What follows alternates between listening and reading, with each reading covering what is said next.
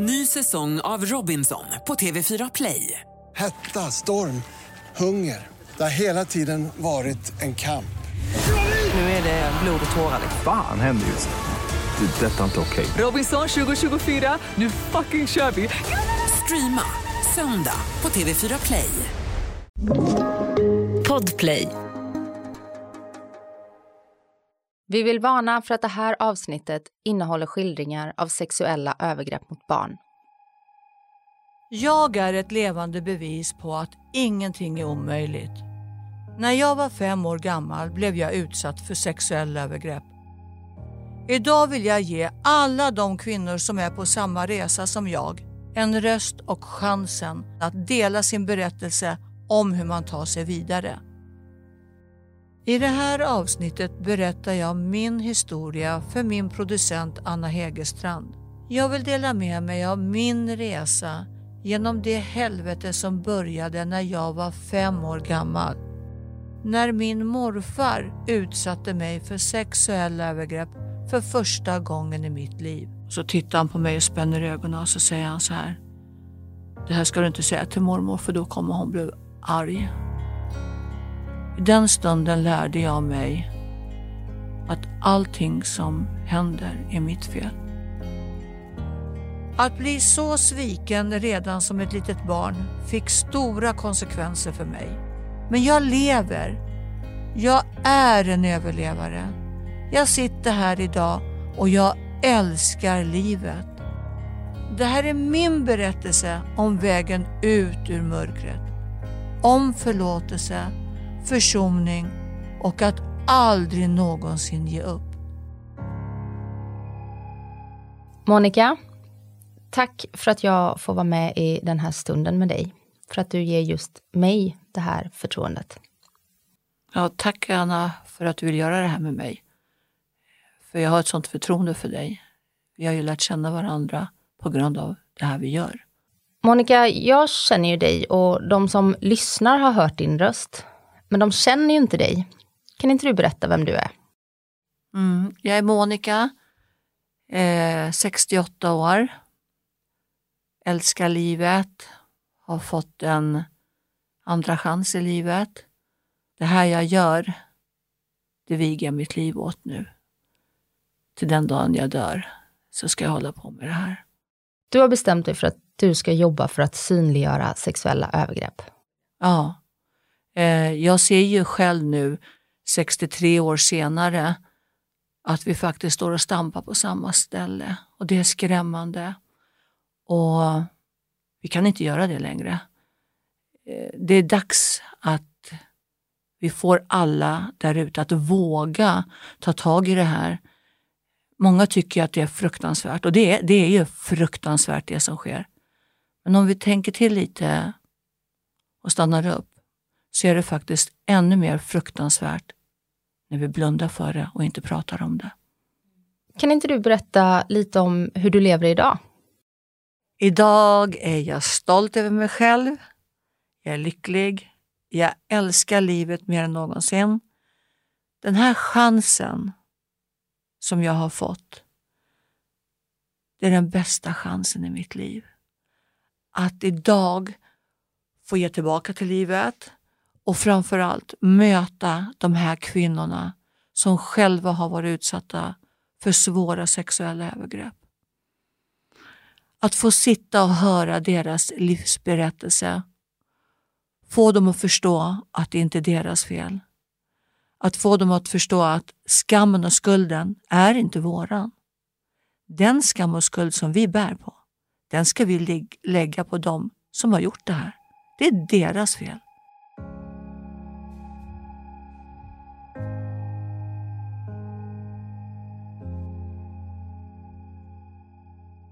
Du var fem år gammal när du utsattes för sexuella övergrepp för första gången. Ja. Vill du berätta om det? Det var med den personen jag älskade mest i hela världen, min morfar. Mormor och morfar hade en kolonistuga nere i Blåsut. Och eh, vi brukade åka ner och hämta grönsaker och det. Mormor och jag hade varit och handlat. Det här var på sommaren. Och mormor säger, till morfar att eh, kan du inte åka ner till kolonistugan och hämta lite grönsaker till maten. Redan där när jag stod i hallen så kände jag en oro. Ångest. Jag ville inte följa med, men jag följde med ner. Och morfar hade klätt på sig och jag satte på mig mina skor och gick ner för trappan och till bilen och satt bredvid morfar. Jag sa inte så mycket. Så kom vi fram till blåsutar där och parkerade bilen och så gick vi där i grusgången och det var grannar som hälsade och sa Ja, hej Monica, är du här igen med morfar? Och det var ju underbart där nere och sen kom vi till grinden och morfar öppnade den. Så gick vi i grusgången och så öppnade han dörren och så kom vi in i rummet där. Från ingenstans så började min morfar bete sig jättekonstigt. Han tittade på mig så konstigt och sen tog han tag i mig och la mig på sängen i rummet där och tog av mina skor, mina byxor och mina trosor.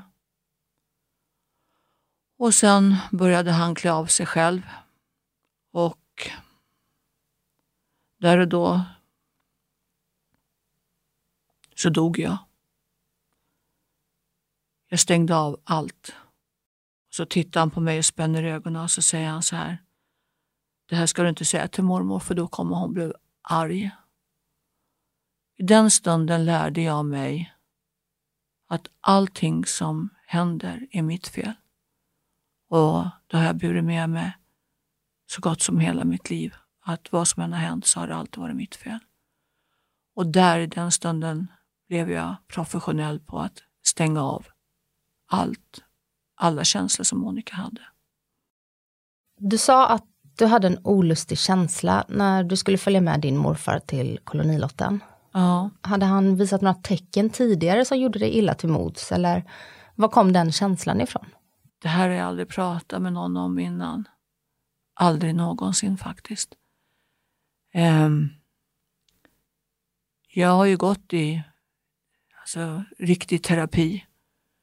Jag har gått i hypnos och KBT och allt möjligt. Men då under hypnosen så vet jag att det började tidigare.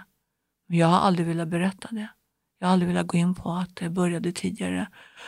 För att eh, just det här att jag kommer så väl ihåg den här känslan när jag står i hallen.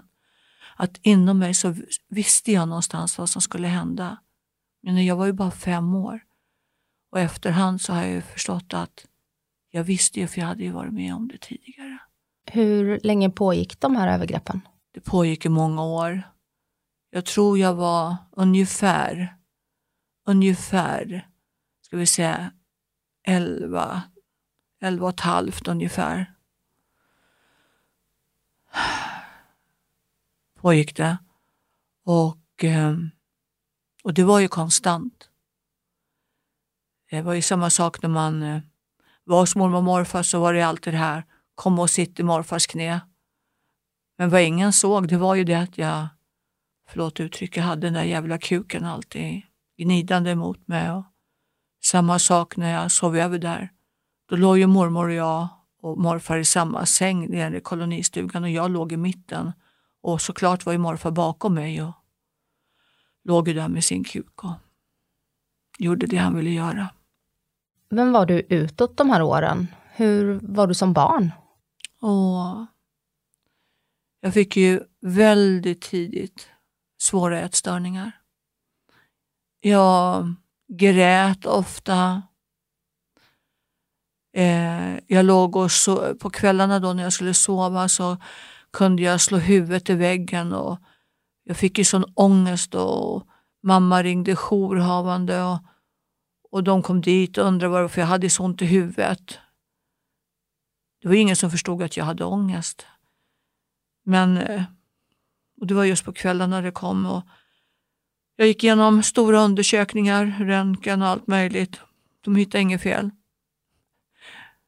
Men det var ju aldrig någon som frågade hur jag mådde.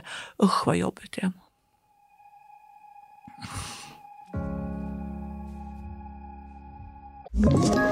Ett poddtips från Podplay.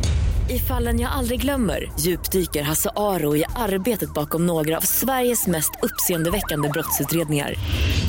Går vi in med hemlig telefonavlyssning och, och då upplever vi att vi får en total förändring av hans beteende. Vad är det som händer nu? Vem är det som läcker? Och så säger han att jag är kriminell, jag har varit kriminell i hela mitt liv men att mörda ett barn, där går min gräns. Nya säsongen av Fallen jag aldrig glömmer på Podplay.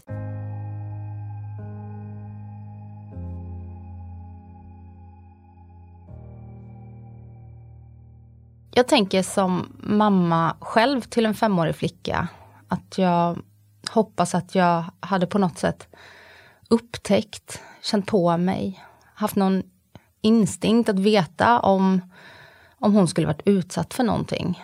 Märkte aldrig din mamma någonting? Jag tänker fysiska skador. För två år sedan så tog jag kontakt med mammas gamla väninna som jag var fosterbarn hos tvärs över gatan där vi bodde i Hökarängen. Och då berättade jag att jag hade gjort den här, att jag hade skrivit den här boken om mitt liv och det. Och då berättade hon själv att eh, de hade misstänkt. De visste någonstans att morfar utsatte mig för sexuella övergrepp. Men de gjorde ingenting. Och så har det faktiskt varit hela mitt liv. Det spelar ingen roll vad jag har gått igenom och varit med om, så har aldrig någon ingripit. Aldrig någonsin har de gjort det. Men övergreppen som din morfar utsatte dig för slutade någonstans runt 11 och ett halvt. Vad var det som gjorde att han slutade tror du? Jag vet inte. Jag vart väl för stor och han vart väl rädd. Det får jag aldrig liksom fram. Jag har verkligen försökt att få fram vad det kunde bero på. Och hur såg relationen i övrigt ut till din morfar? Både innan 11 års ålder men, men också efter? Det är det här som är så skrämmande egentligen. För den som ofta utsätter en för sexuella övergrepp är ju någon man verkligen älskar över allt annat. Jag älskar min morfar, han älskade jag mest av alla. Och man stänger av. Fast man är så ett litet barn så stänger man av och fortsätter älska den personen. Och han var ju jättesnäll mot mig.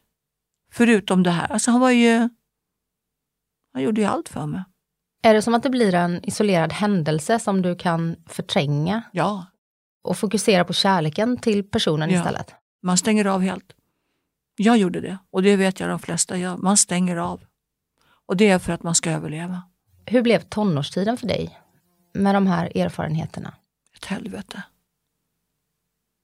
För då, då var det ju så här att mamma var ju skild och eh, en sommar när vi hade varit på sommarhemmet, jag och mina bröder, så när vi kom hem då fanns det en rakhyvel och rakborste i badrumsskåpet och en kostym i garderoben. Och jag frågade mamma vem det där var när han skulle hämta dem. För jag vill inte ha några män i vårt liv. Vi hade gått igenom så otroligt mycket svåra saker. Jag har både varit på barnhem och fosterhem och hittade mamma när jag var bara sex, sju, ja, sex år. Hade hon försökt att begå självmord och jag var ju mamma över min mamma och mina syskon redan som litet barn. Så jag har ju aldrig liksom haft min mamma på det viset. Så din mormor och morfar hade lite mer utav en föräldraroll i ditt liv, kan man säga? Ja, jag var ju där så gott som varje helg. Och jag var ju bara fem år när jag åkte själv ifrån Hökarängen och bytte i Skärmarbrink och gick av i Hammarbyhöjden där morfar mötte mig. Och man kan säga att din mormor och morfar var dina närmsta trygghetspersoner? Ja. Hur blev det i tonåren? Alltså när man själv började upptäcka sin egen sexualitet och nyfikenheten på den? Då måste jag gå tillbaka, för när jag var 12 år då hade ju mamma träffat en ny man. Och där morfar slutade tog han vid. Så då utsatte min styvfarsa mig för sexuella övergrepp. Och sista övergreppet där, då var jag 16 år. Och två år senare skulle jag bli mamma.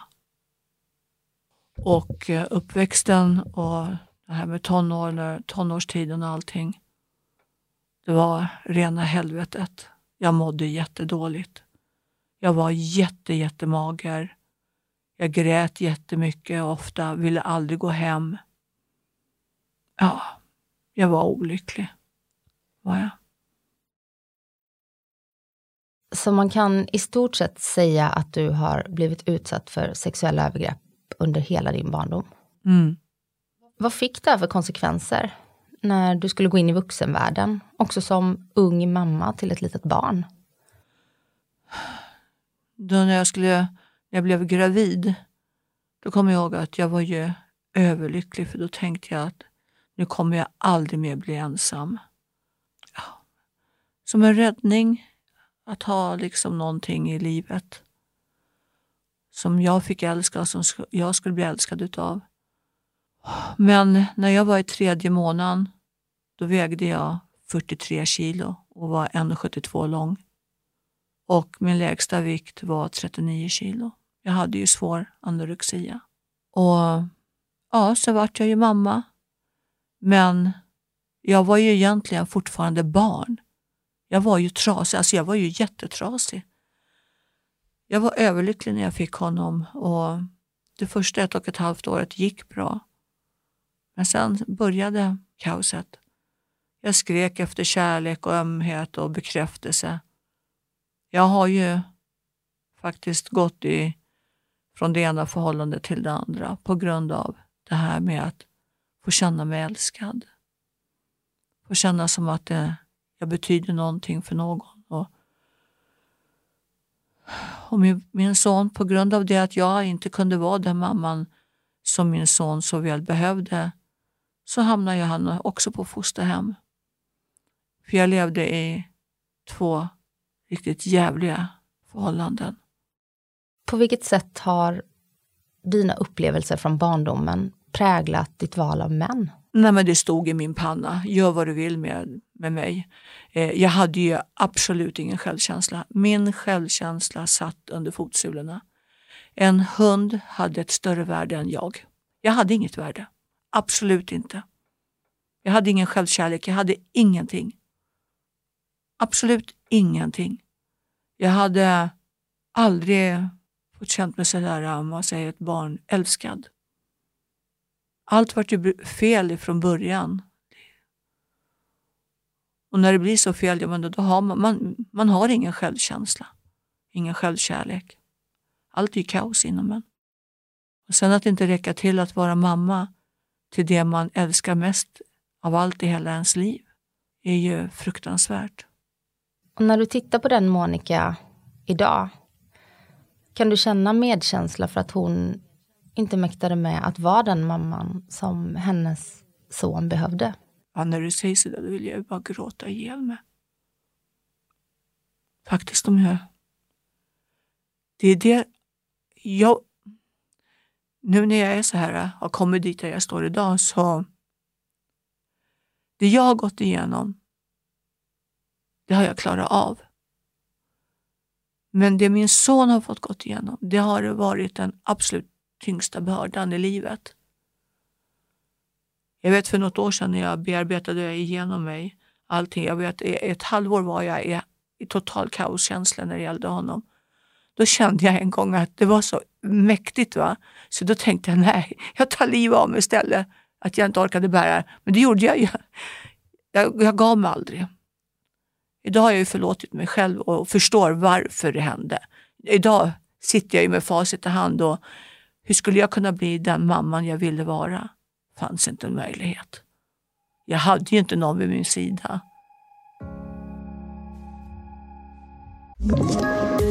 Poddtips från Podplay. I podden Något Kaiko garanterar östgötarna Brutti och jag, Davva, dig en stor dos skratt. Där följer jag pladask för köttätandet igen. Man är lite som en jävla vampyr. Man har fått lite blodsmak och då måste man ha mer. Udda spaningar, fängslande anekdoter och en och annan arg rant. Jag måste ha mitt kaffe på morgonen för annars är jag ingen trevlig människa. Då är du ingen trevlig människa, punkt. Något Kaiko, hör du på Podplay. Därför är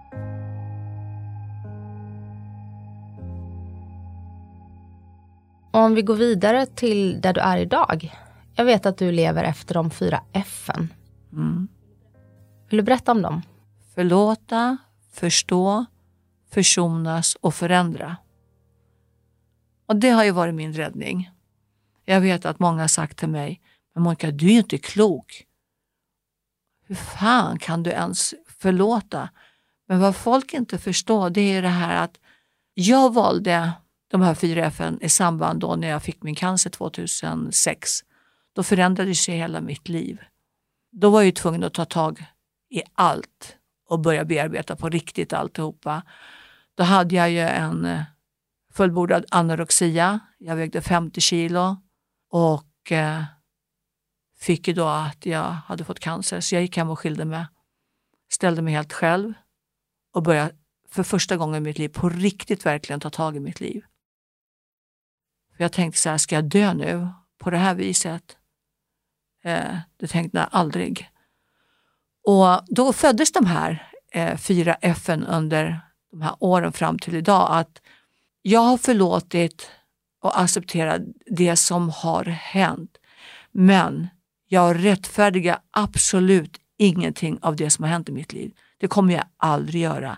Men jag har accepterat det. Och när jag började acceptera att jag hade varit utsatt för både det ena och det andra, då kunde jag börja bearbeta och ta itu med det och att jag ville börja förändra mitt liv. Och det gjorde jag. Tack vare att jag kunde ta det här steget till förlåtandet så började jag eh, faktiskt en resa till frihet. Idag är jag ju fri från precis allt inom mig. Och Att få cancer är någon slags livskris, kan jag tänka mig. Och det blir väldigt existentiellt. Mm. Var det att allting ställdes på sin spets som du behövde för att hitta en annan väg? Om du förstår vad jag menar. Ja, jag kan säga så här. Jag fick ju då, konsekvenserna blev ju de här tre cancer och hjärtinfarkt. Eh, jag skulle aldrig vilja vara utan dem, ärligt. Jag vill inte ha tillbaka det, men jag vill inte vara utan dem. För det vart vändpunkten i mitt liv. Då äntligen fick Monica börja leva. Och hur har den processen sett ut? Den har ju varit jättetuff, men den har ju varit, eh, egentligen så måste jag säga att det har varit en solskensresa. Det har ju varit det. Därför den, den har ju givit mig så mycket. Och eh, jag har faktiskt bearbetat mig igenom precis allting. Jag har ändå varit utsatt för mordförsök, fruktansvärd misshandel. Men jag sitter här och jag älskar livet mer än någonsin. Lever din morfar idag? Nej, han är död. Och hur såg relationen ut fram tills att han dog? Året innan han dog så skulle min son få komma hemifrån fosterhemmet. Det här var 84. Och då var jag uppe hos mamma och då ringer min morfar.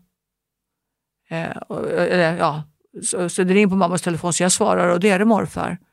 Och någonstans där så bara, jag vet inte, det bara brast för mig. De här 30 åren som jag har gått och tigit, över 30 åren, liksom då bara säger jag till min morfar så här, morfar, varför gjorde du som du gjorde med mig när jag var barn?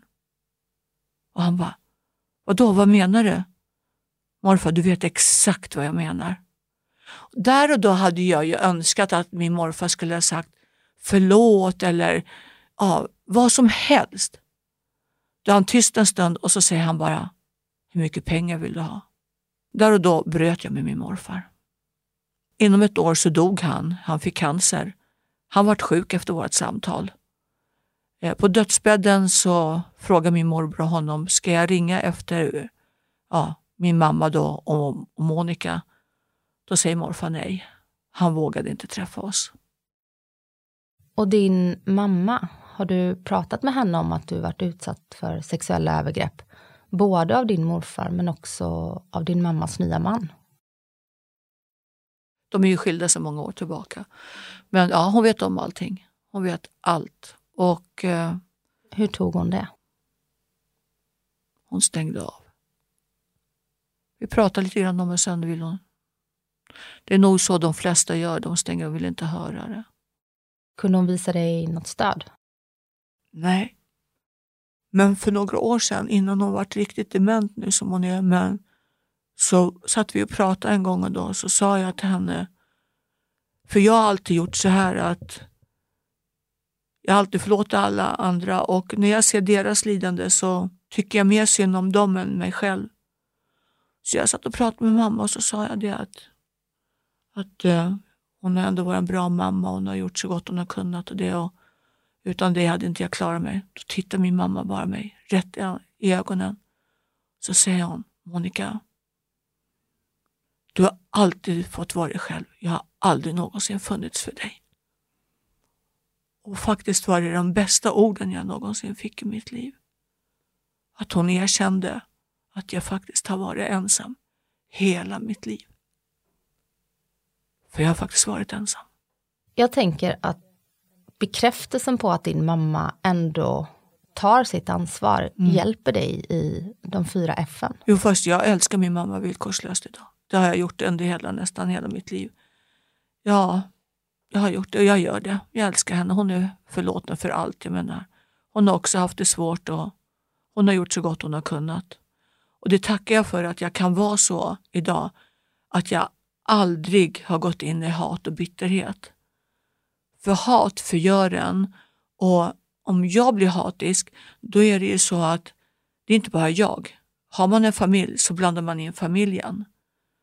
Eh, det blir ju så att man åker ju berg och dalbana och då kommer hatet och bitterheten, du lägger det på din familj, du lägger det på dina barn, du blandar in släktingar. Och det är inte rätt. Jag tycker inte det är rätt. Så jag är faktiskt oerhört tacksam och stolt över mig själv. Att jag aldrig tillät mig att bli hatisk och bitter. Hur ser din relation ut med din son idag? Vi har inte setts på åtta år. Eh, en sak var jag lovade mig själv eh, redan väldigt tidigt. Det var att jag aldrig skulle förneka någonting när min son frågade mig. Och det har jag aldrig gjort. Jag har erkänt precis allt för min son. Allt. Jag har aldrig nekat till någonting. Jag till och med ibland har erkänt saker för att jag har varit rädd att säga som det är för att han inte skulle lyssna på mig. Så att det är någonting bra jag har gjort i alla fall, att jag har liksom erkänt. Fast jag har varit livrädd. Jag glömmer aldrig när han tog ner, ringde efter mig, jag hade fått socialpapperna. Och jag var livrädd, för jag visste ju vad det handlade om. Och han frågasatte saker och ting och där satt jag faktiskt och erkände även det som inte var sant. Och jag erkände det som var sant, allting. Och långt senare när jag skulle ta ut mina socialpapper själv, den, journalerna, så erkände en socialassistent som jobbade med mig att ja, men Monica, jag har också skrivit dåliga saker om dig innan jag lärde känna dig. Och jag ska säga, Anna, till dig, jag har aldrig fått en ärlig chans. Aldrig. Men idag så använder du din historia till att hjälpa andra människor. Mm. Du har skrivit en bok, du föreläser mm. och nu gör du den här podden som jag är så otroligt glad mm. över att få vara medproducent till. Då tänker jag att genom att vi synliggör det här problemet så blir fler medvetna om hur otroligt vanligt det är. Vilket ju är en skrämmande tanke om du har egna barn. Ja.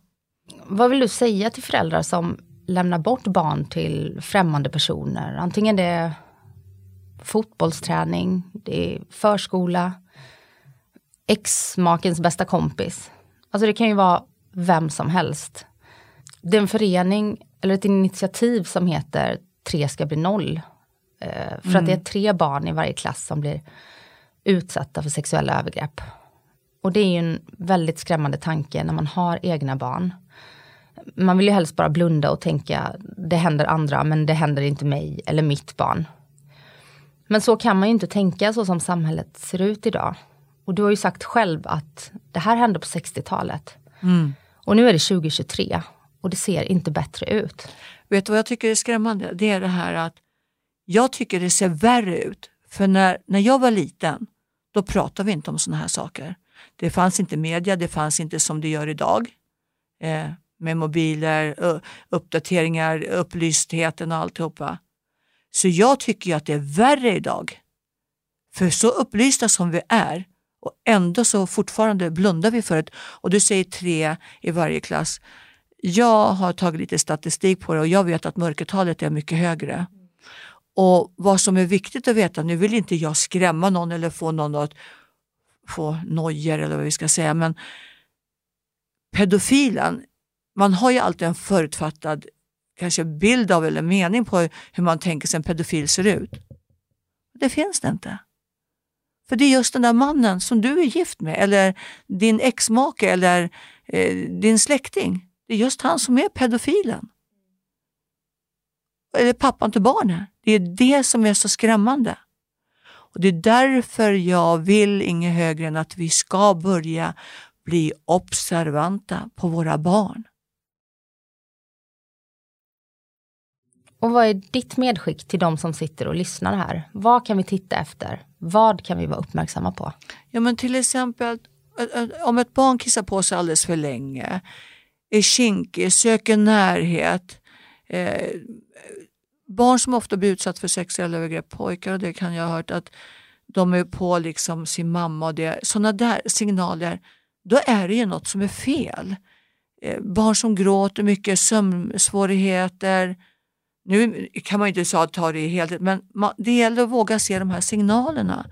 Matvägran, ofta sjuk, håglös, vill inte prata, introvert blir man ofta. Eh, det finns ju så många signaler, men just det här att våga, och sen är det här att våga se att det kan vara runt omkring det. Monica, när du tittar tillbaka på ditt liv, mm. dina erfarenheter men också mm. det positiva som du har lyckats vända det till. Mm. Vad tänker du då? Alltså det här, jag vet jag kanske får många som tycker att det låter galet det jag säger men allt jag har gått igenom i livet har ju format mig till den kvinnan jag är idag. Den kvinnan jag är stolt över. Jag är omtänksam och jag är ödmjuk och jag är fri från allt idag. Och jag älskar livet mer än någonsin och jag lever. Så jag, jag vet ju inget annat liv. Jag vet ju inget annat. Och jag menar, jag är ändå här. Så att det har ju ändå format mig. Och det har format mig till en bra människa idag. Jag har inte alltid varit bra. Jag har haft många saker som jag har fått tagit tur med. Men idag är jag här. Och det är inte alla förunnat. För jag vet kvinnor som har tagit liv av sig, som är alkoholister, narkomaner, som är jätteolyckliga. Men det är inte jag. Och vad är visionen framåt? Hur ska resten av livet se ut? Att jag ska förändra världen på något sätt. I det här med podden och föreläsningar, komma ut ännu mer. Jag har ju nu eh, översatt min bok på engelska. Jag gör en ljudbok. Det här är absolut bara början på den här resan. Så innan jag dör så ska jag ju ha satt ett fotavtryck. För jag ger mig inte förrän vi börjar se våra barn, våra tonåringar och att vi hjälper våra utsatta som har gått igenom det här och går igenom det. Jag ska lägga hela mitt liv för det. Och du gör verkligen skillnad. Och jag är så tacksam för att vi har lärt känna varandra och att jag får vara med i det här projektet som är så viktigt. Och som jag är övertygad om kommer hjälpa så många människor.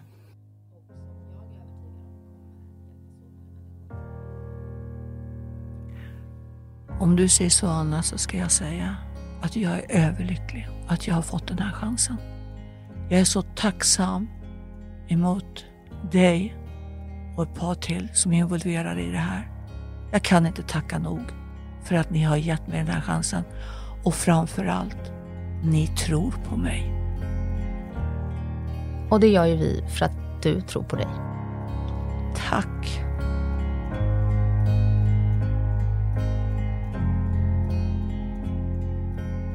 Om du vill prata med någon om dina upplevelser eller har frågor om våld i nära relationer och sexuella övergrepp kan du kontakta Kvinnofridslinjen på nummer 020 50 50 50. Detta är en produktion av Fuse PR och Gabardin för Podplay. Producenter Anna Hegerstrand och Sofie Brussell. Klippning Ludvig Sjöström. Exekutiv producent Jonas Lindskog. Podplay, en del av Power Media. Ett poddtips från Podplay. I fallen jag aldrig glömmer djupdyker Hasse Aro i arbetet bakom några av Sveriges mest uppseendeväckande brottsutredningar. Går vi in med hemlig telefonavlyssning och, och då upplever vi att vi får en total förändring av hans beteende. Vad är det som händer nu? Vem är det som läcker? Och så säger han att jag är kriminell, jag har varit kriminell i hela mitt liv men att mörda ett barn, där går min gräns. Nya säsongen av Fallen jag aldrig glömmer på Podplay.